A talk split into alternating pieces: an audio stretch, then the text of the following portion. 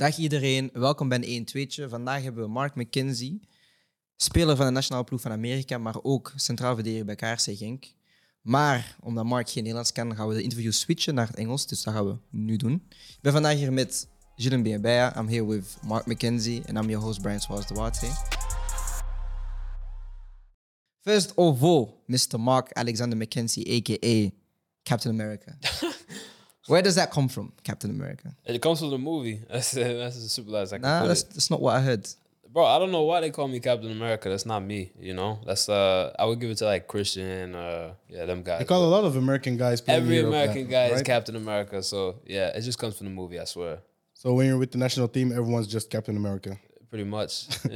Anybody that can look inside, yeah, it's Captain America. But it's because at the national youth team, you've got Yeah. the national, uh, you got the Yeah, yeah, yeah. captain's With band. the U18s and uh, the U20s. So yeah, I was captain there. So maybe that's where it comes from. But What do you mean, maybe? maybe that's where it comes from. That's all I'm saying. You know. When did you start playing football exactly? Uh, probably like four, like three or four. Um, my daddy's Jamaican, but in the states, you know, it's all kind of sports. So I was playing basketball, I was playing football, I was playing, yeah, everything I could get my hands on, really. And then I didn't really fully commit to football until uh, I was probably eight or nine. You know, at that time, trying to figure out the academy situation, and yeah, if I really wanted to do it, you know, at the the next level. What made you go for football or soccer, as you Yeah. maybe call it? Because in America, there's a lot of sports that are bigger and give you maybe more opportunities to grow. a part of it was because I think I was I didn't feel like I was growing fast enough. I didn't hit my my growth spurt till I was probably 16, 17, you know, and at that time then I was like, oh, maybe I could have played basketball, been a point guard, undersized, yeah, of course, but yeah, I think that played a role in it, but I also just love the game, you know, and it's cliche and it's like, oh, everybody says they just love the game, but I had a natural calling for it and at that point I was like I'm just going to ride it out, you know, and in the states I was thinking more about college, you know, more about university and, and saying I can get a full ride scholarship, go to yeah, prestigious university, you know, whichever one I want to, you know, has a good program, of course. And then yeah, by the time I got through the the Philadelphia Unions Academy, I was like, I can take this farther, you know. So So when you said um, you chose for basketball, so you would say you would be a point guard. for sure, I wouldn't be a I'd be like an undersized point guard. You look in the game now, Yeah. you got point guards who are look like like Ben Simmons, they call him a point forward. Yeah. And this man is almost seven feet, right? Or Yeah. I don't know what that is in that. Like two meters, something Yeah, like it's like yeah. Mm-hmm. it's over two meters. You know what I'm saying? So you got a guy handling the ball at two meters. But would you be like um, like more like a Chris Paul or like Yeah, more like a Chris Paul facilitator. more like Kyrie? Yeah, I'm. I'd be more probably Chris Paul. Just like you see how clean he is, how good he is at what he does. Right? You know, his mid range game is incredible. You know, his his ability to pass the ball, his vision, court vision, his IQ. You know, all that stuff. I think that's where I see myself more, or saw myself more at least. Does your style of playing basketball or maybe just other sports in general reflect to your style in football? Yeah, yeah, yeah. I think because I played a lot of basketball, things happen fast. So you have to really think, you know, on your toes. You, you have to see stuff before it happens. You have to be able to uh, laterally, you know, move. Um, as a defender, yeah, that's kind of where you get the one v one defending and whatnot. But yeah, you just want to win your matchup. Really, that's I think that's also the, the, the competitive side of it, and I think that's where uh, I, I pull some of the skills I learned from basketball and, and use them in football now. What would you say is your best attribute when you're as a defender? Uh, probably like I'd probably say in transition, you know, one v one, you know, I have confidence in that area. You know, knowing like even if a guy has to step on me, I feel like I can recover. You know, on my ability to, to to get up and down. You know, to get now. I've worked a lot on my my lateral defense. You know, defending. I think you see how skillful a lot of these wingers are mm-hmm. and how low to the ground, the center of gravity, how how they can change direction on a dime. So I had to put in a lot of work in that area. But yeah, I feel like I feel like that is is a strength in my game. you know. What's your biggest weakness? I'd probably say I can be stronger in my, my aerial duels. You know, I think I can definitely work on the timing of my my, my aerial duels uh, and be more dominant in the air. You know, have the athleticism to do it, but it's just really finding that knack. You know, finding that that uh, yeah that pocket for timing. You know, you look at undersized center backs. You look at a guy like Marquinhos, who's not the tallest defender, and you can call him a defender, but his ability to time his jump is yeah top class. So he's able to get on corner kicks. He's able to to win his aerial duels and defensively and and, and uh, on set pieces. So But it's funny though, because you told me that he wasn't a defender at first. So you Uh-huh. started off as a what? as a forward, man, What what type of forward was you? bro, I was a, a vertical forward, getting to the channel, bro, lay off, spin, move, Jamie Vardy, the yeah? top, bro, direct, get the goals, man. All this, this, I gotta get the touches, you know, like all right, Benzema he does it incredibly, right? Yeah. But me, Uh-huh. I'm more of uh, I want to get to the goal as fast as possible. You know, I want to score as fast as possible. You would you compare yourself to Haaland maybe? Yeah, similar. Nah. Ah, but that's the style of play, the look, style look, of as a play, youth footballer, style yeah, of Ah, you'd be yeah. like Morata, fam, or, or, or Werner. You don't Nah, score but goals, but you run a lot. Don't, don't disrespect my speed, bro. Come on. You're just offside all the time. Sometimes, yeah, for sure, bro. I was trying to. Get, I'll tell you, I'm getting to the goal as fast as possible, you know. But yeah, I think I was direct, bro. I lay off, get into the channel, and, and, and get the ball over the top on the ground. In front, just put your chances away. So what happened then? Bruh, I was starting to hit my growth spurt, and a lot of the guys in the academy still weren't that big. And yeah, in America, it's like if you're big, you put the big guys in the back, and then mm-hmm. eventually, yeah, you sort it out from there. But yeah, I was pissed off, of course. Nobody wants to be a defender. Like, you want to score the goals. It's the glory position, right? And then to to have a coach tell you, sorry, you're going, you know, you're going to center defender. It's like, and I, I had even played midfielder. Yeah, I'd mm-hmm. even played midfielder in my youth football setup. You know, and I would be fine playing six. You know, I love that position because you can still get stuck in, mm-hmm. you know, but you still have the ability to get forward in the attack and you know find those those moments. And yeah, now Can you find joy in maybe winning jewels and preventing for sure, other? For sure. For example, Paul to score in uh, in training. Yeah, that's like that's a daily like a daily battle. You know, I, I try to pick Paul because you know, you know you're gonna have you know your hands full. Um, but now, yeah, I've grown into the position. I've been playing it since I was tw- 13, you know, 14. Uh, um, yeah, so now I have a joy for for stopping guys, pissing off forwards, you know, making their days, making their lives, you know, miserable. You know, I, I think about you know all the times I could have played against Brian and, and really, you know, got under his skin. it wouldn't have been that hard. Never, never. I'll skin you one v one, but it's fine. Um, but you've got your first. You went to your first academy at age 12 That was at Philadelphia Union. Mm-hmm. Yep. If I understand properly. Uh, but you lived in New York. So how was that? Did you travel all the time or? Mm-hmm. No, so I lived in New York for the early years of my life, and then moved to a state just probably a couple hours south, um, Delaware, and then I was in the youth setup there. Um, kind of started with a local local team. You know, we call it the YMCA back in the states, but it's like a a community center. You go, they have different sports programs that, that the kids can go to, you know, during the day. They have gym there and, and whatnot. So yeah, I started there with a little a, a small team, a little travel team. Would travel locally, you know, to states nearby, a couple hours, you know, in terms of a, a radius. And then by the time I got to I think I was playing two years up. So I was under seven playing with under nines, under 10s mm-hmm. And then they started moving on to, to secondary school and whatnot. And I had to try and figure out, you know, what am I going to do now that, that the guys are aged out of the, the team? And from there, I joined the, we call it like a, in Patois, they call it stush, you know, it's like a, a bougier uh, club. Are you from the suburbs? Yeah. nah, it was uh it was just a better setup, you know. Um I could have gone to another team and, and I think about the decision with that. But yeah, I went to, to this team. It was now it's the Delaware Rush program. And then I was there in that setup. Uh I was one of the better players, so I had the, the blessing to be able to have a lot of my, my travels and and everything covered um, by the by the club. And yeah, I, look, I don't come from a, a wealthy background. You know what I'm saying? You know, my parents work for everything. So yeah, when I was there, I had to really put my best foot forward. And by the time I turned 11, I had the, the opportunity to join the the Unions Academy, their pre academy. Uh, and yeah, I would travel back and forth between Delaware and Philadelphia. You know, an hour and a half in the car with a couple other guys. You know, there's like kid Anthony Fontana, who's uh, who was also in Philadelphia with the first team with me. You know, and, and a few other academy players. And my dad would drive up, you know, and back, or my mom or my you know hit or their parents, you know, would take us. So yeah, I had a lot of car rides. You know, doing homework, eating food, and from there, that's kind of when when things really kicked off. And how did things go in your further career? Yeah, you know, I think it's I haven't had a, a smooth trajectory, you know, in terms of you know my, my my young career, I guess you can call it.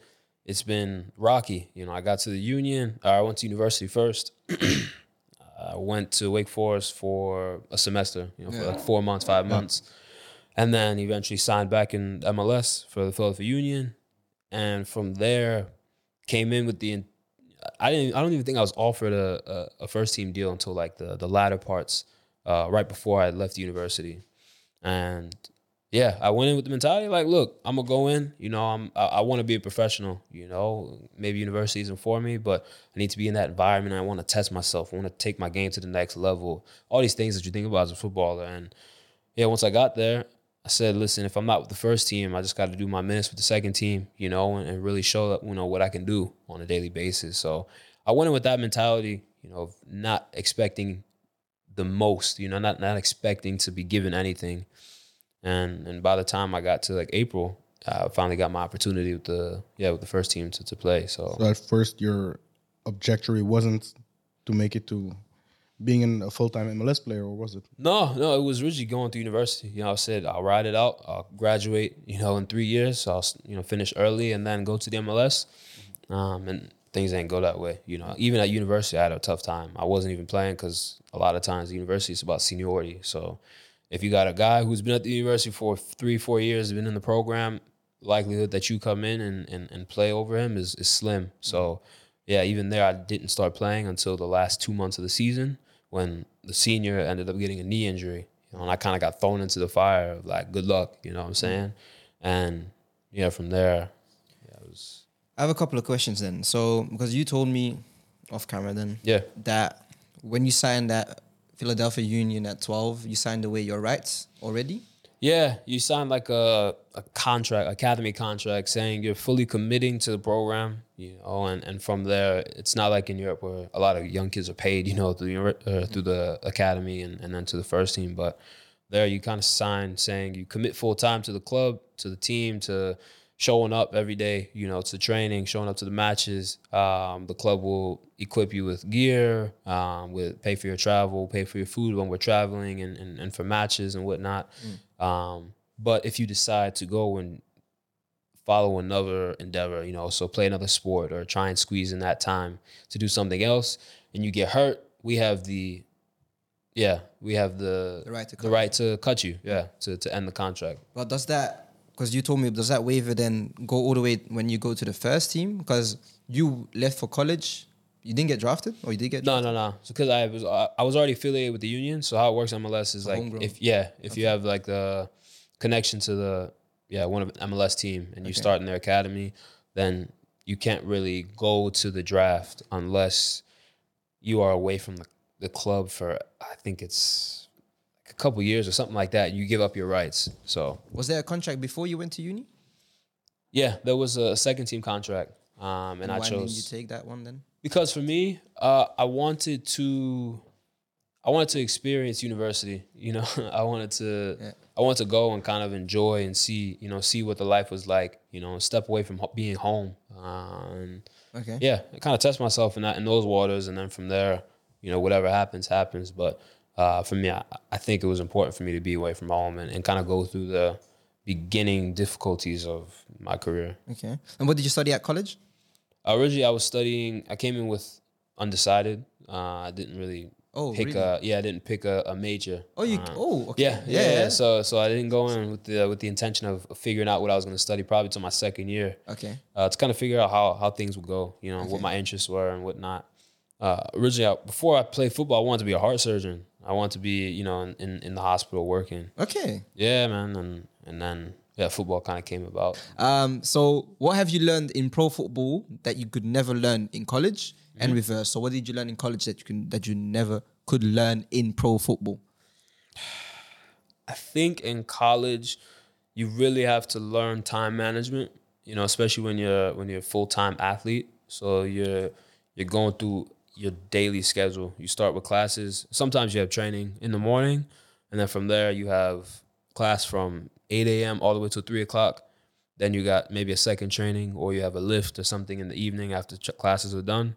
Then you have study hall. In study hall, you have to have a certain number of hours during the week um, to to knock out any schoolwork, to meet with any professors in their after hours, to uh, get tutoring. You know, all this stuff.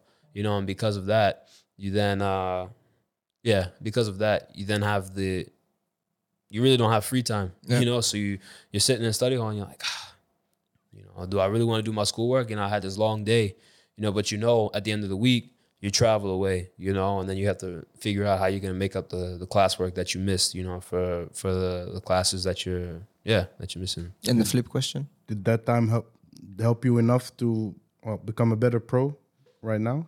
I think it did. Um, I'll get I'll get to your question. That's fine. Don't worry about That's it. fine. Uh, I think it did because at that time I was coming out of yeah high school, secondary school, whatever you want to call it, and you now have this yeah you have this opportunity in front of you, you know. But I also have a family that's big on on academics, you know, and, and knowing that yeah knowledge is is power, right? So I think that it taught me that time management, and it taught me that okay, football is is is beautiful and, and you enjoy it and it's a blessing to be able to play at the highest levels, but it doesn't last forever. Right. So so what are you gonna do to make yourself sharper, you know, in the mind, you know, and, and by by studying other areas, you know, by studying um how to invest, you know, by studying uh, things like real estate, by studying uh, different industries, you know, like I have a podcast, you know, how how does the the film industry and the podcast industry work, you know, all these different things, you know, and and some people call it um, yeah, energy, energy suckers, you know, things that take your energy away, right? But for me, it's it's finding what works for me. You know, for me, it's sharpening my mind, you know, in a different way, seeing things from a different view. Um, and, and that's why I think you know that time away from home and that time at university helped me um, to, to kind of figure out what was best for me and, and, and what niches you know were, were were for me. So, um, and then your your what was it? Second question was about uh, Oh, don't point at me like that. I point at you, man. Your second question was, what did you learn from pro football that you couldn't could never learn in college? Uh, how to manage the highs and lows, you know, that come with with uh, the role.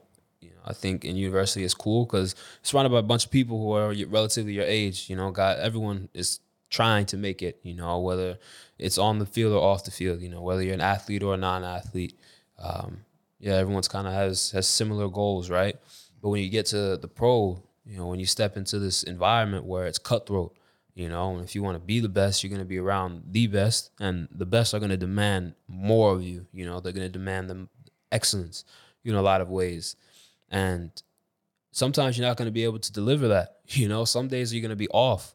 You know, and then when you have an off day, some managers may may bench you and, and cut you, you know, from the team, and now you're sent down to the second team because you had an off couple days, you know, and sometimes you're in form, and when you're in form, you're flying, you're confident, you're not thinking, playing instinctually, and, and all this stuff is happening, and and you're feeling great, you know. Now you you have the the potential to become complacent and sit back like, ah, you know, life is good. You know what I'm saying? You know, I'm, I'm playing, I'm starting, I'm making my bonuses, I'm you know scoring goals. Social media is blowing up over me. My following just went up 20k, X, Y, and Z, national team travel. You know, so all these things pop in your head, and you're like, dang, you know, I made it.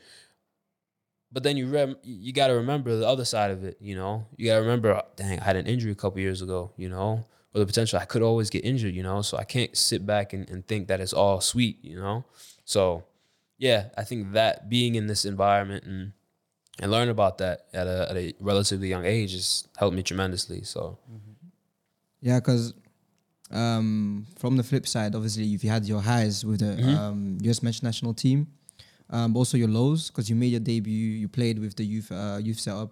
I want to focus on that first. So one of the highs, um, the US under twenties men's national team, because it's a long, long word, um, got to the quarterfinals of the under twenties Yeah, World yeah. Cup, and you beat one of the like most talented countries that Yeah, yeah. was present uh, in France. How was that as a as a country that is not really looked at as a country with a lot of footballing t- talent, but eventually in that year or in that season, you've had a lot of players from that squad, like Serginho Dest, now plays for Barcelona. You got Samuel Vines, plays for uh, Royal Antwerp in Belgium, just like you. Uh, Richards, who plays for Bayern Munich, is now loaned at um, Hoffenheim. You got Paxton and Brandon, who both play for FC Dallas. Uh, Konrad, who plays for Marseille, and the list goes on. And obviously the big name, uh, Weah.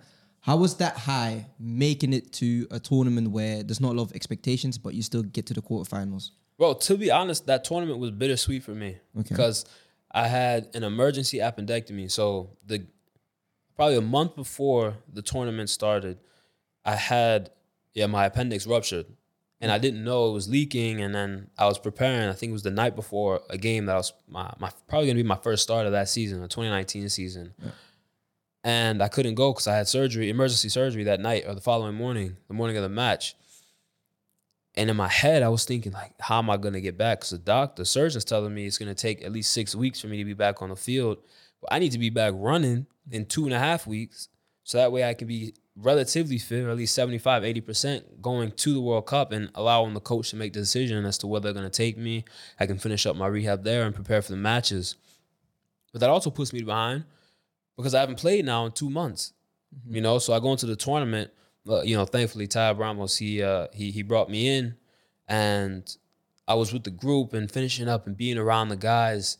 You know, but while I was there, I knew in my head I wasn't at my fullest. You know, I wasn't at hundred percent, and I knew I wasn't going to be able to deliver in the way I wanted to. You know, and I think that's what made it difficult because you're at this tournament, and I've been working for the with the team. You know, we make it through qualifiers and and and and getting through that tournament, and knowing that in June you have this big opportunity, or May June you have this big opportunity, and being there and knowing that you're not at your fullest. You know, I think that, that's what what, what kind of hurt.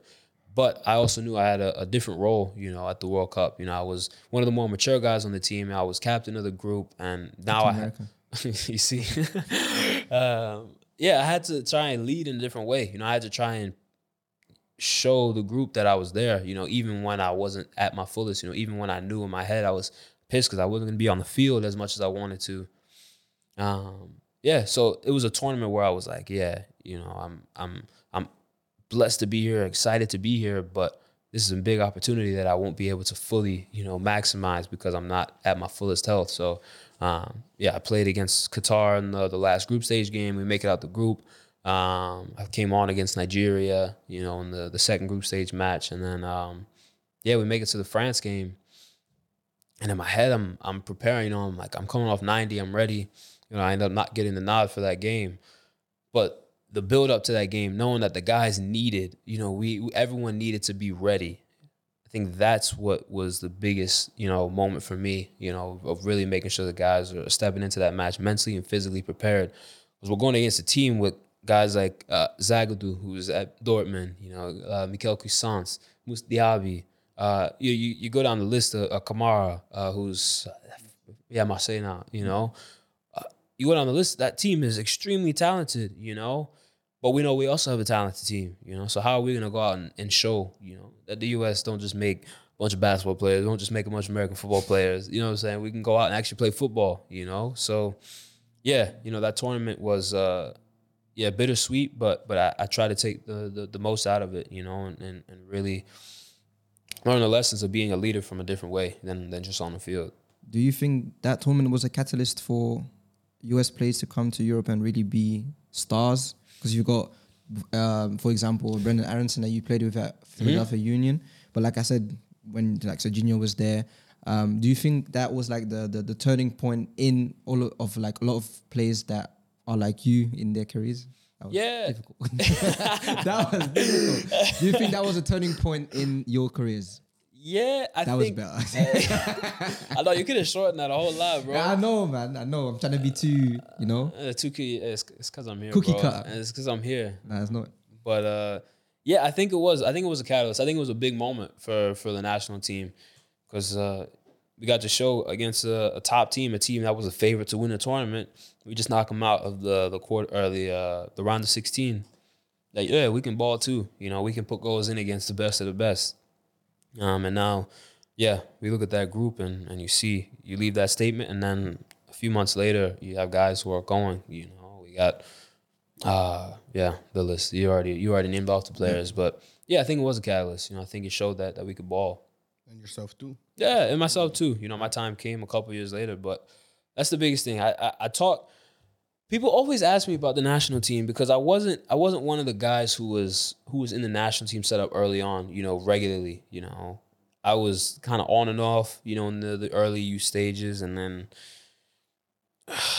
I didn't become more consistent probably till you under 18s. Um, and, and then was getting called in, you know, to, to all the camps.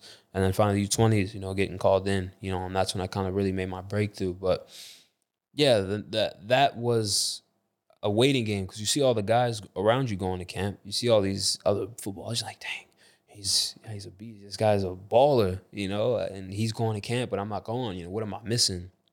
And then there's even guys who who I felt like I was better than who were going to camp, and I was like, bro, why is he going to camp? You know, I, I should I should be playing in his place.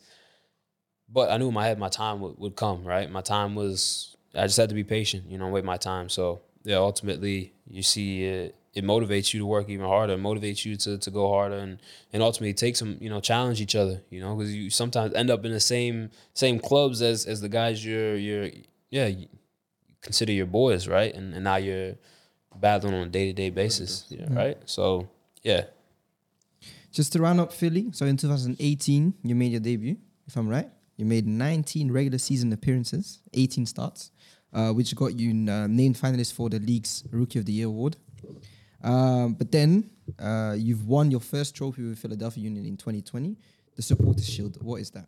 Because I have no idea. Yeah, the supporter shield is a is an interesting is an interesting uh, trophy because it goes to the team. It was originally started by a bunch of supporters because winning the league didn't really have any Merit. reward, yeah, any merit. So before the supporter shield, there was yeah, like congrats, you know, a round of applause. Yeah, good job, guys. You know, we did it. Now you have playoffs because America love a playoff system. And Honestly, Belgium like a playoff system too. but uh, but yeah, we have the playoffs. So you just play for the playoff, and, and whoever makes it out of that tournament is the best team in the league, right? And then finally, the supporters came up with this, you know, this award, and they gave it to the team that was the best or the best supporters group that pushed their team to win the league. Because again, supporters are a big, a big uh, boost. They're the twelfth, twelfth player. You know, if you think about it, and yeah, it, it came from there. You know, and, and, and stuck. You know, from time. But yeah, it's it's like winning the league. You know, it's yeah, that's the trophy for winning the league. So it was uh, important because it shows the yeah the consistency consistency. You know, it's difficult winning. You know, and staying on top for the for the majority of the season. You know, finishing on top because everybody's fighting to be there, and it's easy to get knocked off, right? So, uh, yeah, that's where the supporter shield come from, and first trophy in club's history after failing and falling short on multiple occasions. You know, I I was part of one of the yeah, it's like in America, it's like the FA Cup, but it's Gold- Gold it's Cup? called the Open Cup. Cup. Yeah, it's called the Open Open Cup. Yeah, yeah. So you have teams from both divisions uh, will come and they'll play against each other throughout the season, and then yeah, as the season goes on, you you, you figure it out. But yeah, we made it to the final two times. You know, one time hosted it in Philadelphia and lost in penalty shootouts, and then lost uh, to Houston Dynamo away. Uh, three.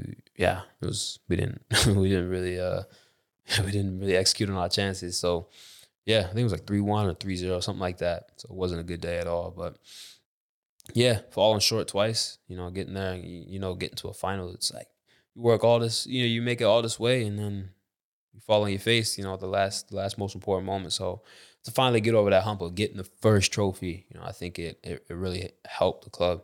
You know, and brought a lot of a lot of eyes, a lot of attention, you know, to the team and showing like, yeah, we have we we're creating we have a good system here. We got youth players who are contributing heavily to the team, but we also have guys who aren't the big name signings. You know, we call them designated players in in in in MLS, but we don't have these big name players coming to our team. Really, you know, we have a bunch of guys who know their role and are going to roll up their sleeves and get the job done. So. I think that's the the Philly mentality. I mean, that's that's kind of what's brought the success. Is that, And oh, go on. then the success took you overseas. Of course, Mhm. it's. Now, I was going to link it up as well. Um, is that something that the supporter shield is that something that Belgium should implement as well for the teams that finish first throughout the season? For example, this year is, is Union. Yeah. Yeah. For uh, season before was Club Brugge. Do you think that should be something that at least when you play the full season you get a trophy, or you think like that the system how is it how it is now is fine enough? Nah, bro. I think I think if you stay at the top and and you make it all the way through the season and you're still at the top, Yeah. then you should get a reward for that. You should get a trophy for that. You know, every other league, the best leagues in the world, right? We look at it and if you win the league, you win the league. There's not a, a playoff system, you know, and there's no bashing to the to the Belgian league. But in my personal opinion, I think that that's the best way to do it. You know, you play through the year, and if you're the most consistent team and you show you're the best on a week to week basis, by every means, you need to, to to get rewarded for that. You know, but again, the playoff system makes it interesting. Of course, you know we were in it last year in in in, uh, in playoff one. You know, and competing head to head, went on a really really strong run at the end of the season, um, and and we're close to to winning the league. You know, through the playoff, but yeah, like that's that's you know that's just my opinion. I think that ending the league and however the table sits, and that's that's the way it goes. So Did you feel that there was a big kind of adaptation to make from uh, playing in America to playing in Europe, playing wise? playing wise, yeah, week to week you have uh it's it's not easy, you know. I think sometimes in MLS because we don't have the promotion relegation, once a team knows they're out or you know cal- mathematically out of contention to to yeah to to win the league or to be in the playoff, then yeah, then they're kind of like oh we're here, you know, and that's not discrediting MLS. You know, I think now the the levels ris- you know it's risen by by by a fair amount. But when you add promotion relegation, there's money involved. You know, you add European spots. There's you know, so on a week to week basis, you have teams that are fighting to stay above relegation. You have teams that are fighting to stay in champion uh, the championship playoff and playoff two. All of this added pressure, all these these these moments, you know, I think that's what makes this league more difficult, you know, and and I think that challenge is is why I came here. You know, I didn't think I was ready necessarily in my my progression to make it or to go to the top five league just yet. You know, I think I needed a step to adapt to the way of European, you know, life. And uh yeah, ultimately challenge myself, you know, Belgium first and just it's a good league, you know. I think it's just outside of the top five leagues in terms of, of bringing you see the the players that leave, you know, Belgium, um, and then ultimately move on. So yeah, for me, I think that's why I came here to to, to kind of test myself. Um, before you said that, you said you didn't want to go to top five league, top five league yet because you don't think it was good enough or ready enough to go. Um, is it true that you were supposed to go to another club before you went to Genk, or I'm not allowed to speak about that? no, no. No. It's cool. It's cool. Yeah, yeah, yeah. There was there was interest. Uh, I won't give details as to, to which clubs, but yeah, there was there was one or two clubs that that we were we were trying to work some stuff out, but it fell through. Um, Celtic, I'll, I'll give you one. Ah, Celtic, thank Celtic you. was the Celtic was the big one, the big one in, in summer of twenty, uh, summer of twenty 20? Yeah, summer twenty. came in I was COVID. Yeah, COVID year. So we just come out. We were going into the bubble. Mm-hmm. Uh, just before going into the bubble, we were coming out of quarantine and everything. And yeah, I was linked to Celtic heavily. You know, when we were we were close, but things fell through, and ended up uh, yeah finishing the year and helped the team. You know, win the the support the trophy at the end of the year and and, and defend the year finalists and those accolades and whatnot. But yeah, I think it was probably beneficial to finish out the year with the team. You know. And, and whatnot. So you don't know what could have been, right? But I try not to live in retrospect of thinking, ah, well, yeah, if I went here, then this, you know, that's everyone can think like that, but it's only going to eat you up inside. So, yeah, for me, it was, uh, yeah, Celtic was the the big heavy link. Do you feel any big cultural differences also in moving to Belgium, playing football in Belgium, and the Belgian football culture? Yeah, it's more uh, more intense. You know, you see uh, at the matches how the supporters are, are really on top of you. You know, and they'll let you know how they're feeling. You know, we've gone that we've gone through that a few times this year um, with with our supporters. But yeah, I think that it's that is the culture that you want to be in. You know, or at least I want to be in. That's the culture where people live, eat, breathe football. You know, you walk into the town, and if you lose the match, you know, bad, people are gonna let you know, like, yo, walk on, what happened, you know, on on uh, you know, on Saturday or Sunday. You know, and I think that's like that's what I want to be around because I do it as well. I live, eat, and breathe football. I watch it all day. Um, yeah, so so when you're around that, you know, makes you really step up your game because you don't want to be the one, you know, in, in, in Centrum now. Sitting around like, "Yeah, you see, that's the that's, that's the player there that lost on the weekend, you know that. So Um, which stadium was the most difficult one to play in? Fans wise, uh like the hostility. yeah, it's Antwerp. Antwerp.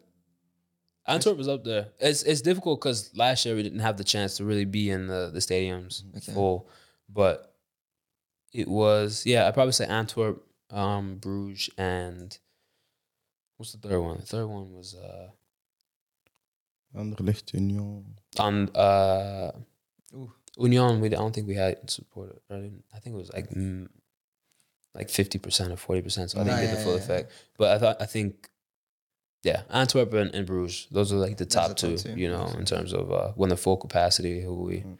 yeah, Yeah. felt it. Just something, just besides football. Um, we just went to an American store Mhm. because you wanted American food. what is it? What's the number one thing that you miss from America? I got a few things, man. But Oh, wow. the ti- yeah, yeah, I got a few things. Oh, you got a sweet tooth. Yeah. Wait. I, no, no, no, no, no, no, no, no, no, no, no, no, no, no. Listen, I don't I'm have, it. I don't have a s- sweet tooth, but I enjoy a sweet. No, you I, have a s- I enjoy a sweet. You like, have a sweet I enjoy a sweet. Can I explain the story? Go ahead. The Go ahead. first go ahead. time we met, the first I time want a we met- waffle, man. No, no, no, no, no. I no. wanted the a first time waffle. met, he told me, Brian, get me to waffle spot because I want waffles. I understood. Your Yeah. American is fine. Yeah, yeah, yeah. We went to uh, the Mer. We got waffles. This guy ate waffles. We left somewhere else. Got waffles again, and then to go home, he got another, another bag of waffles. As you should. Hey, bro, it was my first experience. Thank you. Yes, Thank as you. you should. Thank As an. American in Belgium, enjoy life. Hey, I'm saying it was my first weeks here, and I was like, I hear the waffles are good. I want to see what you know if they taste different with each shop. You know what I'm Then we went saying? Brussels. Thank you. At least I got somebody on my Yeah, side here. I, under- I, under- I took you there, so I understand. Then we went Brussels, and what did you I get got again? Waffles, Waffles again. of course. Which one is your favorite? Which one is your favorite topping? I get the uh I don't know. It's like a it's a light cream. It's like a it's a whipped cream. Yeah. No, no, wait. Is No, it it's like it's whipped like cream? the whipped cream. Yeah? Yeah, it's, it's a whipped cream. Yeah, it's like Yeah, Yeah, yeah. it's like yeah. Slagroom, yeah. Uh, with and they have like the the chocolate bars. Like it's like a wa- like a chocolate wafer. Oh, um, nu- Puyo. um, bueno. Yeah. Oh wow. Yeah. It's like these. Maybe it's right. Yeah, yeah, he's right. Bro, it's like, and then I had uh some strawberry glazing. Oh wow. Okay, Yeah, Brian, yeah, Brian. I'm on his side now. Bro, ah, dang. So, what's the thing that you miss the most about uh, America, like food wise or culture wise, and what's the weirdest thing um, about Belgian culture? Food wise, I miss Chick Fil A and I miss Chipotle. So, fast food. couple. Uh, I don't know. I don't know. Chick Fil A, yeah, fast food. Chick Fil A is fast food, but Chipotle is not really like fast food. It's more like quick eats. You know, you you have to go inside to Whoa, to what's get quick food. eats? Quick eats is like That's like the same Fast as fast, food. fast and quick yeah. food. It's no, but all right. For me, fast food is like McDonald's. You go to the drive-through, that's fast. You go, Okay. but this place you can't go to a drive-through, so you have to actually park, get out. So technically, it's quick eats. If you want to get technical, If any- but it's like a it's like it's like Mexican it's like American Mexican food. It's a it's mix. nice. It's nice. Yeah, but it's like you you get a bowl or a burrito, you know, and you, you throw on your your protein, you have vegetables. Yeah, but it's good, you know, and yeah, you can make it healthy if you want to. You can make it heavy if you want to, but I think that's like two things, two foods that I miss. Plus mama's home cooking. Mm. But Ah, uh, Something bizarre about Belgium. Well, think all right, when I first got here, all right. it was COVID, so benefit of the doubt, it was COVID. So, but it, I think stuff was closing earlier, so it was like Oh, it was like five o'clock. It's like five o'clock. It was closing. I was like, "Yo, what? U.S. bro? Are you serious? In the U.S., everything is open always and late, you know, and especially food. Food late night. Oh man, I love a good late night spot on the weekend after a game. You come back from a game. The food at, after the match wasn't really that good. Uh, it was like healthy. and the- so I wanted some some good hearty food. You know what I'm saying? Because I got off tomorrow. Enjoy. Moeilijk. So In what'd you- Belgium. Man, man, man, man. Let me tell you. I think my first experience was I went to I think it was a pizza spot. And in Genk. uh yeah, I think it was in Genk. Yeah. And I went and I was like, oh, There's a lot of Italians in Genk. Yeah. Should be good. there's a be fine. Few. But I got out of training late because we had a double. So I was leaving training like 5:30. So I was like, all right, cool. Spot was closed at six o'clock. That's said- weird. I said, nah, that's not right. So then I had another experience. There was a there was another store I went to. This was a couple. This was last week or a couple weeks ago. I know. I saw you post on, on Instagram. The spot closed like thirty minutes early. Bro, just go early. I told you this. Bro, if I have training, I can't get out of training until a certain time. I just need to. A break. You You think, have a one hour half break. bro? That's a nap. you know how hard the training is, bro. If you have a double day that first session, bro. But anyway, yeah, like, I think stuff closing earlier, not being open like midnight, like stuff in the states, bro. There's restaurants open till two in the morning and whatnot. So I'm used to that. So I'm getting used to shopping earlier. You know, preparing ahead of time. Like, all right, grocery store closes at six thirty or seven. I need to go right after training because by the time I get home, sit on the couch. That's it. It's done. I'm reps. not cooking. I'm not. I'm done. So if I go, I get the stuff, chop it up, put it, cook, eat, calm. So yeah, I'm cool now. I'm good now. Um, And is there a big difference in in um, the way of eating regimes in American football as opposed to Belgian football? No, I think uh I think now especially with this in this day and age of technology and all the little trying to get one percent, you know, on, on people, it's not really a lot of big differences. You know, you have the the what's it called, nutritionist who's there, you have the chef who's there, you know. Um, so you can usually find ways to to figure out what's best for you, you know. So again, it was different for me trying to uh, adjust to the the different culinary uh yeah tastes you know in belgium whereas in the states i think it wasn't hard for me because i enjoy food i enjoy trying different cuisines in different countries and whatnot but yeah i think that nowadays with, with technology and stuff there's not a big difference between between uh yeah foods and and, and, and diets and whatnot I think I already know the answer, but I'm still gonna ask you. Uh, what is one thing that you would take from Belgium and bring it to the US? If you say waffles, I'm gonna say rest rest rest. rest rust yeah Rest. Why rest? Because bro in the states everybody's working hard everybody's working all the So you're time telling- bro You're telling Belgian people. So we're lazy. I'm not telling people. I'm not. Hey, to all my Belgian people, y'all aren't lazy by any means, but you enjoy a good rest. Okay, and that's something that I think a lot of Americans need. You know, uh, also like diet as well. You know, you see it out here. There's, I probably say it's healthier food. You know, but that's like a general statement. That's a blanket statement. But the way people eat is a lot less uh, massive. You know, on the stage you get food and it's a lot of food all the time, but here you get a, a good portion, you know, so you're not leaving feeling like, oh, yeah, I got all this food on my stomach. Um, but back to rest, states every that's why you know spots open to two in the morning, three in the morning. People working multiple jobs all the time, and there's a lot of different stuff we could talk about with you know healthcare and and and yeah, all this all That's this stuff. That's all politics and stuff, Yeah. but it plays a role in that. You Yeah. know, where people feel like they got to work till two a.m. and got to work again another job at you know it's ten in the morning and, and stuff. So Sundays, a lot of stuff is closed here. You know, I, and I think that's something that a lot of Americans can implement into their lifestyles. You know, taking a day to kind of relax, to let the week go. You know, everybody carries so much weight on their shoulders all the time, and I think it's like it's important to to have a chance to to breathe a bit. So Yeah. yeah, Um, you said you like a lot of different cuisines. yeah, I know two weeks ago yeah, you went to London. yeah. What happened? Bro, man's called a stomach bug. What's that? uh, stomach bug is like a stomach virus where like Yeah. yeah. you can't keep food down you know so it comes out the front or the back it's not fun bro it's not fun But talking about London, your favorite club is Arsenal. Is Yeah. that your dream club? Is that yeah one of yeah for sure One of- for sure which ones are the other ones? arsenal i'd love to go to spain love to go to spain um, play for a club like sevilla Okay. um, you know Oh, Sevilla. yeah That's an odd like pick, but I like it. I no, respect it's it. cause cause everybody wants to go. Like no, this like Madrid and Barcelona. That's like the, the team everybody wants to go to, right? Yeah. But you see a team like Sevilla or Villarreal. You know these teams that are still the quality cities, Mm-hmm. but they also play good football. You know, I think that's something that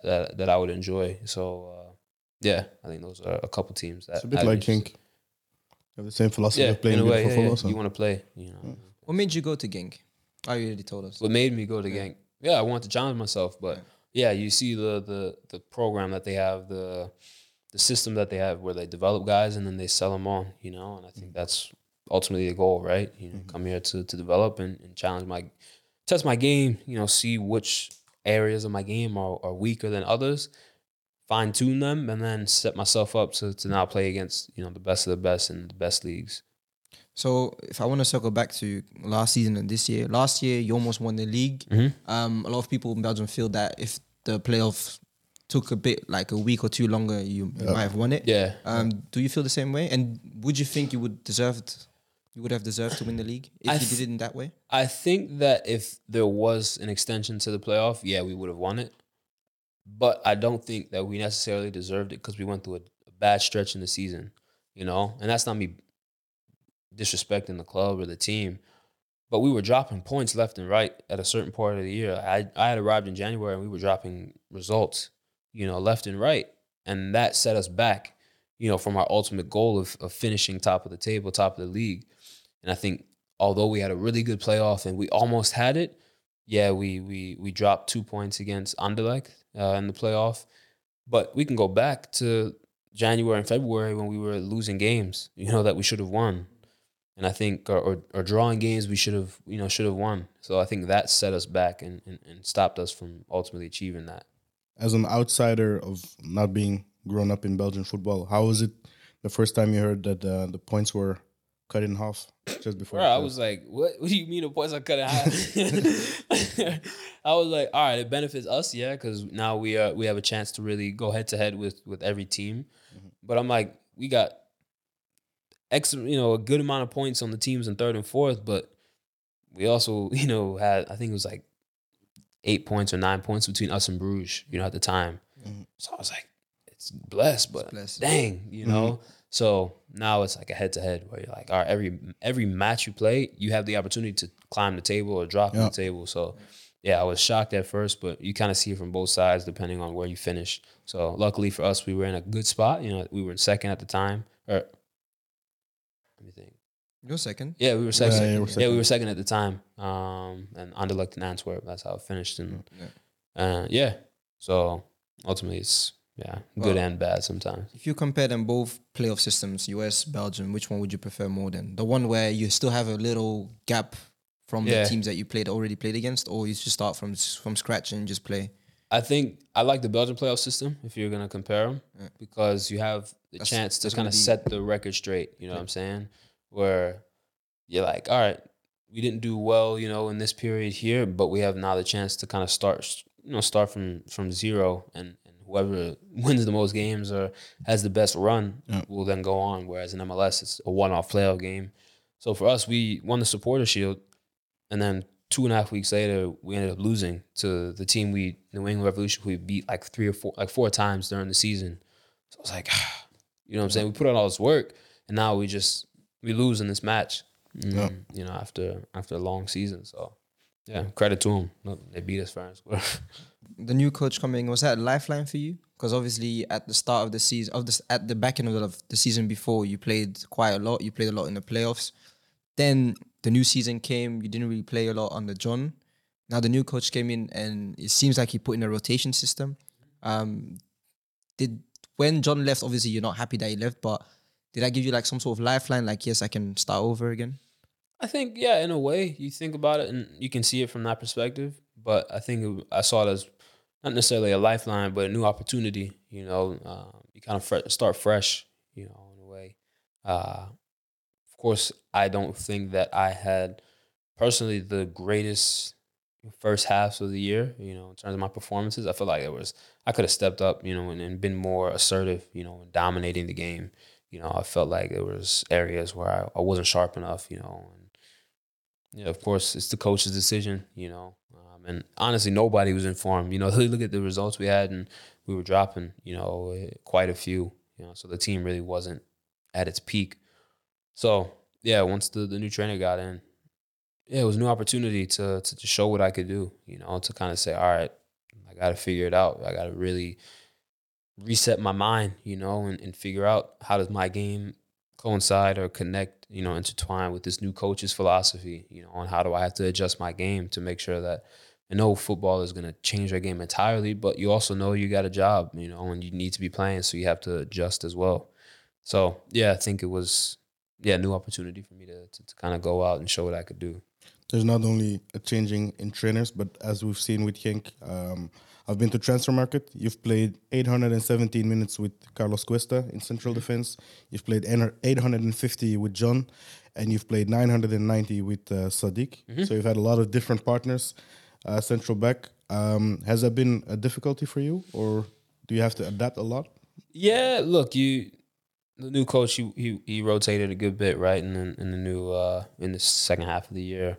Um, but you look at the first half of the year, and even when I came last year, you know, we had I think during the playoff we rotated because we had some injuries as well. So yeah, you're picking up minutes and, and building these connections with the guys, with with the new partnerships, you know, and figuring out how does how does Carlos operate, you know, how does Luku operate, how does Muja operate, you know, what are ways that I can help him and, and ways he can help me, and how are we working together, you know, to to keep a zero, you know, on the score sheet.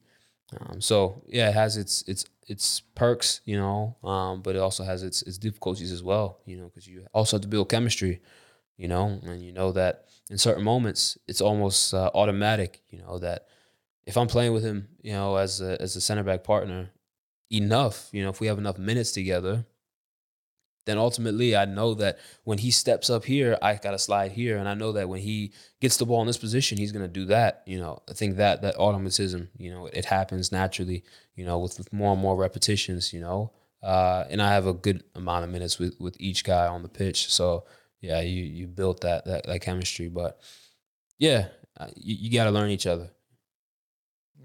And then you went from title contenders to now scraping the playoff two. Um, where do you think it went wrong for Genk this season? Not only performance wise, but like maybe like playing style or tactics. Because I know you love a lot of tactics. yeah, tactics. Uh, I think it's hard to pinpoint one thing that went wrong. You know, I think at times I use. All right, I'll use this. Yeah. I think at moments in the season we were playing too too much on the individual qualities of the team and not enough as a team.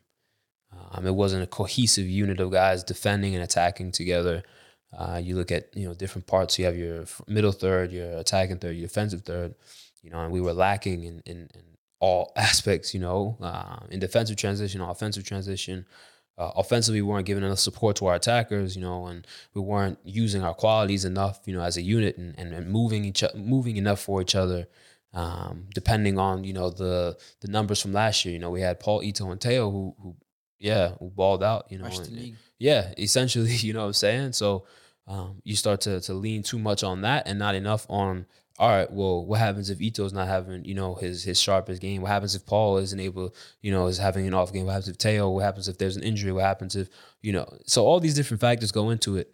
Um, but I think, yeah, at times we were probably too individualistic, you know, and, and depended too much on the talent of our team rather than the the, the unity, you know, the uh, yeah, the cohesiveness of the unit, you know, to be able to know this is what's going to happen. If we're not able if we're not playing well you know we're going to be a difficult team to break down though. You know you're not going to be able to to just run us you know off the pitch you know on attacking wise when we're on we're balling. So yeah, uh, I think that's probably the best answer I could probably give you. No, I can tell you have you've had media training. Don't worry. but, but I'm No, being, I'm good. being, No, it's no, no, good. no, but I'm being Yeah. I serious. appreciate it Don't though. have media training though. He has. Back in the states, but yeah. back in the states. I had media training and stuff like that. But my dad, he was big on public speaking and stuff. So he was one who was always putting me in front of you know in situations where it's like public speaking is important. You know, if you're in front of a camera, if you're you know giving a, a speech in class, you know you need to make sure you enunciate your words. You have eye contact. You don't use the uhs and the ums, and you, you take time to think about your thoughts. So that's kind of where I got it from. And then as you get older and in the sports world, you develop the, the skills for it. But like back that- to what I was saying, You're like that in a group chat too. So because I'm a professional in all ways. Look, I'm a professional in every aspect, but that's like the realest answer I can give you, probably. Yeah, I you know, in terms of and what's happened. Because honestly, I don't know. You know, everybody I think has their own things going on, and yeah, it's difficult to pinpoint exactly like, what's the issue. You know, what's the problem with the team? You know, uh, we're we're not scoring enough. You know, we're conceding too many goals, and yeah, you can use that as the as the mainframe. You know, in terms of yeah, why we're not winning or, or why we're not getting results. But there may be underlying issues to that, you know. There may be things that the guys, you know, just are just aren't feeling it. You know, they're just not confident, just not informed. You know, when you lose matches, it's not good. You know, when you when you're always thinking about like, dang, we haven't scored. You know, in the last 115 minutes. You know, we need to go bad. You know, it starts to starts to eat you know eat away at guys in different ways. So guys react different to different things, and I think that uh yeah, that's kind of why I gave that answer. Is yeah. That's a good answer. Don't worry. um, who is your dream partnership? Centre back partnership. in the world. in the world? That's a loaded question, man. That's like uh, Ah, you should ask. You should uh, thank Daniel. Ken Dog. um in the world. I'd say I'm not saying just a player pure by name. I mean like that will complement your. Yeah, I know. That's what I'm thinking about. You think I'm just gonna give you this blanket? Ah, the best center I back thought he in was the gonna world. say like Van Dijk or something. Nah, nah, nah, bro. Because What qualities do you feel you'd you'd need besides you? I think for me, because I'm an undersized center back, you know, it'd probably be best to have that that balance. You know, a lot of times, Harry Maguire. no, The aerial No. threat, you mean? Like, yeah, you know, in a way of like, yeah, I can win duels as well, but there's a lot of strikers who are also mm-hmm. almost two meters. You know, Paul, for example. So I really have to work on my timing, you know, and, and really dominate and, and knock him, you know, off of his jump. You know, miss, make sure he mistimes things, making sure that you know in the box I'm man marking and, and shoving him in a way where he can't attack the ball how he wants to. Um, so I think having that compliment, because also some bigger center backs aren't necessarily the fastest, you know, or aren't the best in lateral, you know, defending and changing direction, you know. So I think that's why I would say, you know, a, a center central defender partner who would be able to kind of balance. Um, we'd balance each other out. So yeah, I played with uh, in the MLS guy Jack Elliott, who's yeah similar. I think it's like one ninety five or something like that. But uh, yeah, I'd say at the moment, I think a guy like I'd say a guy like The way I hear Mhm. you talk, I'd say Skriniar. yeah. Maybe. I think uh yeah, you see, I was thinking Koulibaly. Yeah. I think Koulibaly because he has you know similar attributes to myself, you know, but he's a bit bigger, I believe. Um, I would say a guy like uh Joel Matip. Okay. You know, um, he's one who I would think would be a good partner, or a guy like uh, uh, mm, I don't like that. Uh, I love, Yeah. I love how you think to yourself like, nah.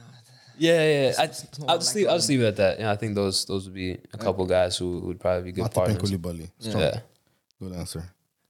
Who would your who would you say was your the worst striker to face? Oh wow. worst.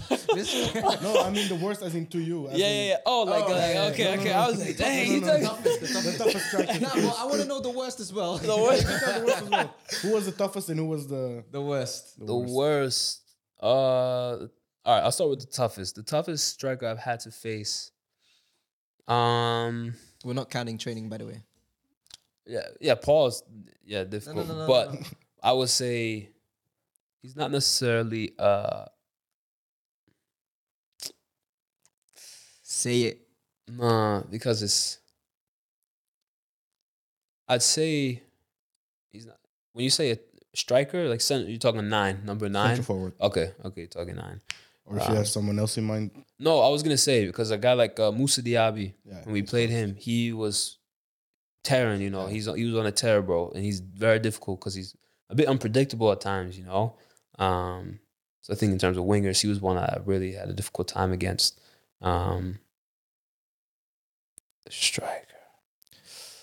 You know Bro. why? Because you don't think anyone bullied you in this league. yeah, to be honest, I don't I don't feel like I feel like I do my homework a lot, you know, Mm. on, on forwards that we face. But a guy who is very difficult to defend, I think, is um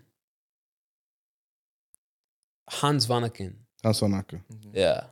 He's not really like a central forward, but he floats in a lot of Yeah. areas, you know, so it's difficult to really find him and to locate him, you know, Yeah. because he's able to drop off and make the game as well, but he can also play up top and make a deep run, you know, as well. So I think he's one that I, Okay. yeah, And the I can use.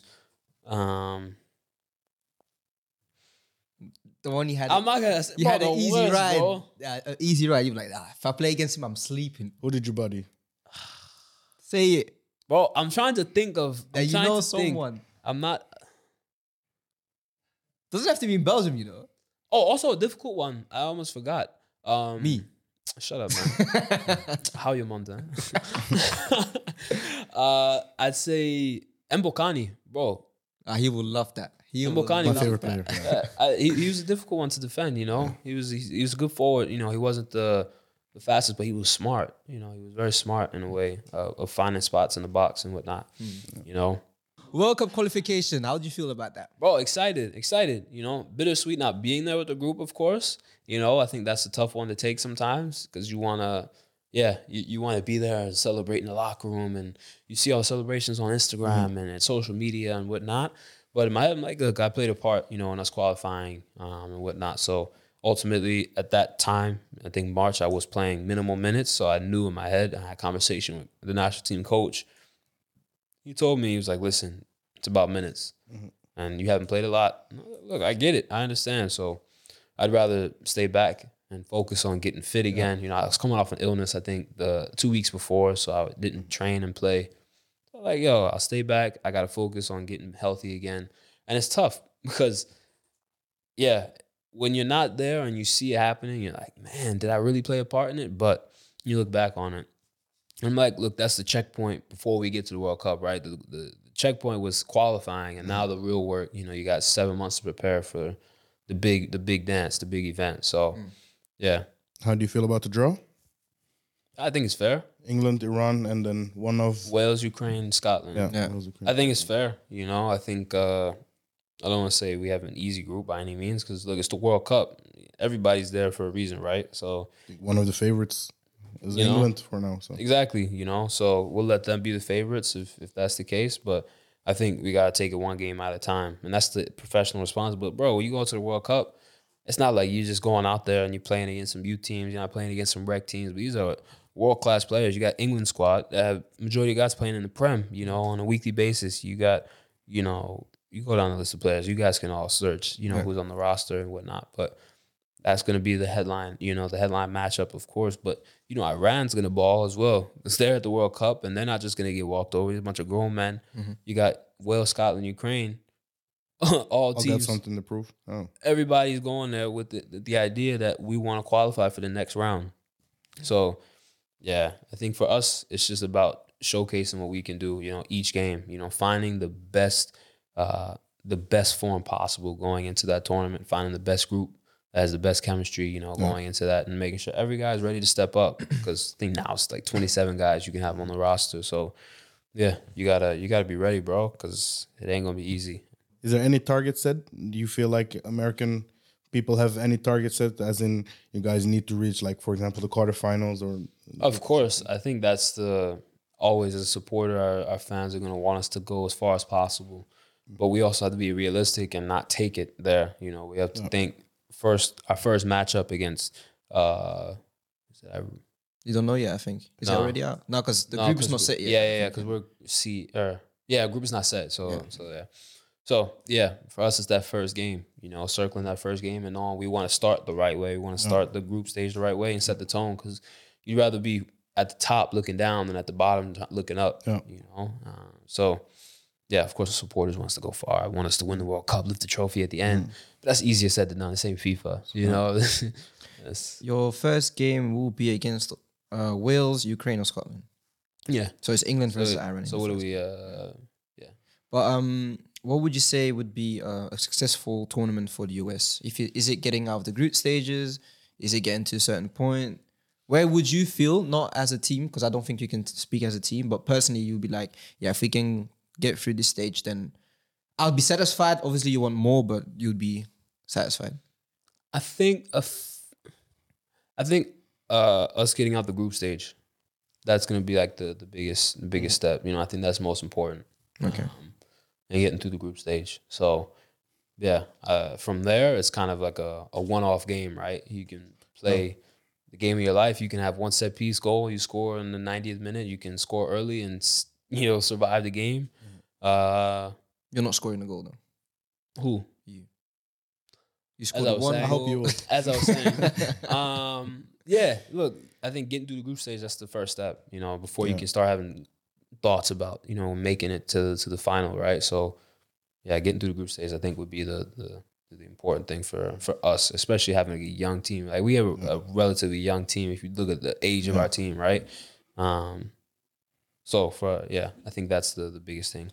Um, how would you feel about your national team manager wearing uh, Jordans through the games? That's something that I just like. I How would how do you feel as a player? Nah, look, it's it's it's his uh yeah, it's his thing, you know, it's his niche. It's yeah, what makes him go, makes him feel fly on the sideline. So yeah, you look every coach has their own thing, right? Some some uh former Leeds manager had his his uh his cushioned seat. Um, Pep has his yeah, Whatever. whatever, you know. Uh, You got company. Simeone has company in Belgium company, has a you know. McQueen's. yeah, he wears his McQueen on the sidelines. We had a we had a coach, George Lakers, who wore a yellow scarf every game. Yeah, you know. So I think every coach has their thing. You know, it's. Do you have any pre-match rituals? Uh, I would say I just, uh, yeah, I just read my Bible. You know, I have a, a verse that I go to before every game. Um, but yeah, in terms of pre-match, you know, I think I have a routine in terms of yeah what I like to get done. You know, I'm not uh, superstitious and like oh, I need to put on my right boot before my left boot, and if I don't tie my right lace this tight or you know in this way, then I'm not I'm not like that. More like I know what I want to do. You know, I get into the locker room. You know, I set my my gear there, and yeah, put on my music, listen, go get some treatment, make sure I can do my my activation. Um, yeah, so yeah, it's more of a routine rather than like uh, yeah. The most underrated player you've ever played with. I think that would have to be. Oh man, let's go down the list of guys. Has to be quick fire, by the way. Quick fire. Oh, it's quick fire. Yeah, quick fire. Um, I think off the top of my dome, I would say Anthony Fontana. Very underrated. Uh, academy kid I came up with in Philly. Um, yeah, he's probably one of the best in terms of footwork, fastest feet. You know, I played. Um, so yeah, shout out to Anthony Fontana. Okay. Favorite pair of boots ever? The CTR. Nike. Yeah. Okay. Yeah, yeah. East CTR. Coast or West Coast music? Ooh. East Coast music. Okay. Uh, U.S. men's national team best friend. This is hard. Uh, Tim Weah or Chris Richards? Favorite Yank roommate? Ooh. Uh, ooh. uh, And least favorite. the thing is, I haven't had a roommate. nah, but hotel though. No, No. because since COVID, bro, they have, they've Single done- rooms? Yeah, they've done single rooms. But if I was, I'd probably say uh, probably Mike Trésor. Um, least favorite or favorite. no favorite, favorite Okay. like Mike Trésor, Ike Ugbo, because we listen to the same music, similar taste, and, and, Okay. and that. Least favorite, uh, not because of. Nah, yeah, it's not really. Least I thought you would say Christian.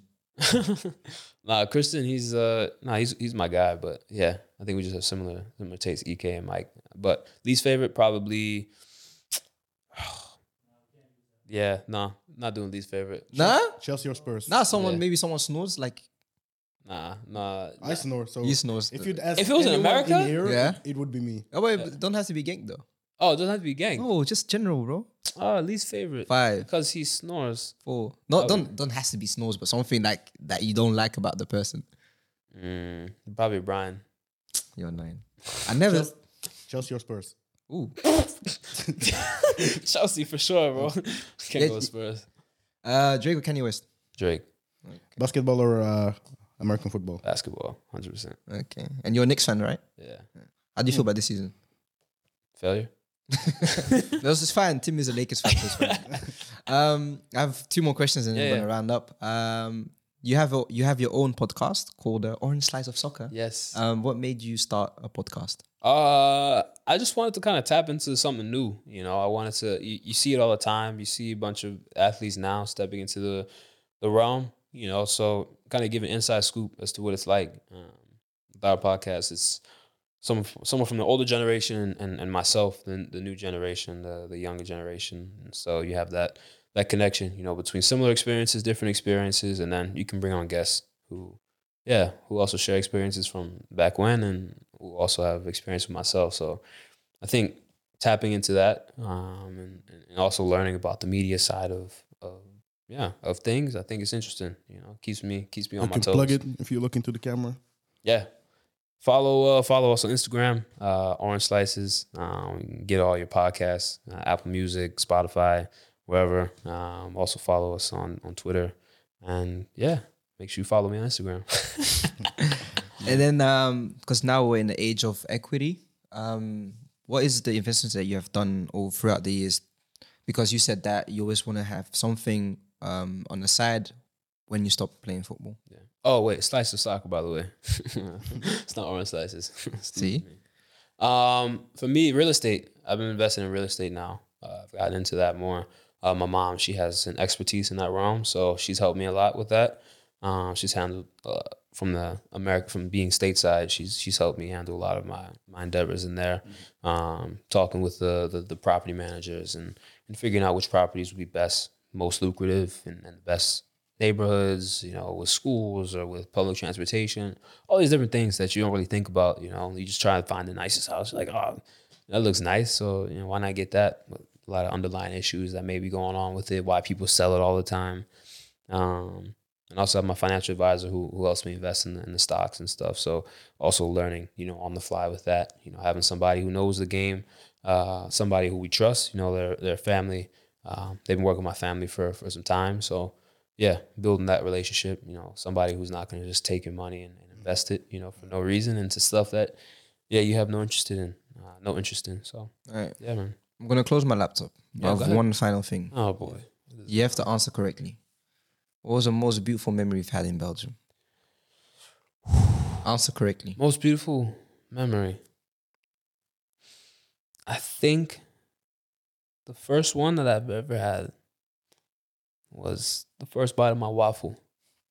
Second one was leaving the hotel out of quarantine when I when I first got to Belgium. Oh wow, I can imagine. Yeah, and that was the hard. And the third, lifting the the, the, the trophy, you know, at the Croky Cup. And the fourth? That was special. He wants to hear something about. Yeah, I know. He wants me to gas him. I'm purposely not, right? Uh, and probably like the 70 second thing would probably be like probably meeting Brian and having him drive me around to get waffles. Hey, there Mr. C class. 71st is probably being my guy. Nah, I appreciate it. It's, it's somewhere on the list, isn't it? At least you have a list. Nah, but um, yeah, it's been fun. Um, how? Sorry, it's another question. Sorry, but how was it? Um, obviously because now you you went to a country where initially you thought you never knew someone. Um, did it help knowing that it was someone here that can help you with little stuff like even just knowing where to get the right provider for your phone and everything? No, for sure. You know, when you you don't speak the language yet and you don't know the, the, the culture yet, you know, it's it's much easier to have somebody who, who understands things, you know, better than you do. So, yeah, I, I'll gas Brian here. I'll give him his credit. You know, he he looked out for me on a lot of in a lot of ways, you know, and helping me, you know, whether it be translating stuff that I didn't understand, um, calling places, you know, so that way I could arrange, you know, a pickup or a takeaway or you know, trying to find food and, and figuring, you know, all these little things, you know, that you wouldn't think about. Um, yeah, he he looked out, you know, so it definitely definitely helps having somebody who can assist you or just to get away a little bit, you know, somebody who you Yeah. can meet up with, grab some food, chop it up, you know. Luckily he enjoys football, so I can I can yeah, talk about, you know, have some banter with, with my guy about, you know, how trash man you are and and whatnot. Which honestly, I don't know why well, actually I do because my uncle is a Man U fan. So it's it's a good time, you know. Anytime I can I can dress him, but yeah. Look, credit credit to Brian. Big up to Brian for for, for looking out, you know, being there for me. Like you're doing, you're doing, you're doing too much now. Oh man, I said I give you your props. So so I give you your, your yeah, I give you your props, you know. But always, you know, always having somebody there is is, is nice, you know, especially when you're new to a country and and, and things aren't uh yeah, especially during COVID when things weren't really you weren't sure about Sort what was gonna happen. Yeah, because I think a lot of people underestimate how important it is to have someone in your court. It doesn't have to be like Mm-hmm. me, for example, but like when you go to another country, Mm-hmm. uh, especially like mental health wise, because you're alone a lot of times, Yeah. especially at the start. Now you have someone over, but yeah, it's it's it's, it's difficult. I Mm-hmm. think sometimes. Um, but to close it off, I want to thank first Wait, of all. you had a question, didn't you? oh, you have a question? No, I didn't. Oh, you Nah, did? nah, Oh, nah. okay, That's okay. I was just the gonna way. say something after the podcast. Oh, okay. Ah, okay, okay. Nah, um, I want to thank first of all Gilles. Uh, thank you for being here again, being a Big up, incredible host Thank you, uh, as Brian. usual, and he has good questions all the time. So, We try. and then uh, I want to thank you, Mark Alexander William McKenzie, aka That's Mr. not my my my, my legal I have to name. say, I have to call you Ken Dog from Daniel, but um, nah, thank you for coming, giving honest answers, and uh, and good luck for the rest of the season, man. yes. Oh, I appreciate it, man. Appreciate it. Thank you guys for having me. Oh, You're welcome. can I say one more thing? Yeah, yeah, yeah. You know when we played football, Uh, anyway, this guy wants, And we- to, and we he wants did- to chat and we beat about. Well, no, first off, he wanted to race me. That didn't Ah, yeah, yeah, yeah, yeah. He, he beat me in um What? You have to, to head the ball, hit the crossbar. And Lost. and What was the other one? crossbar challenge. oh, he beat me in crossbar challenge. And yeah. we did the 20, 21 year, 21. We're seeing it. Uh, if you sh- if you shoot on a crossbar, it's minus 10. If you like hit Ah, hold the on, it's not that. hold on, it's not. Yeah. Ah, okay. Oh, oh, okay, okay. Yeah, I yeah. beat you in three games. Yeah. Oh wow. Uh, After training, by the way. I drove all the way to Nah, Antwerp it's your day off. I want to thank you all for watching to the podcast. Um, dit was een 1 tweetje met Mark McKenzie. Dank om te kijken. Um, like, subscribe, click on the little bell notification if you want to watch more of our videos. Klik op het kleine beltje als je meer video's van ons wilt checken. En uh, ja, Jules wil nog iets zeggen? Jules wants to say something. I don't know if it's in English or in Dutch. Nee, ik ben gewoon. Ah, he's doing his signs. I'm just gassing you up. Long term vision, long term vision. Let's go. Thank you.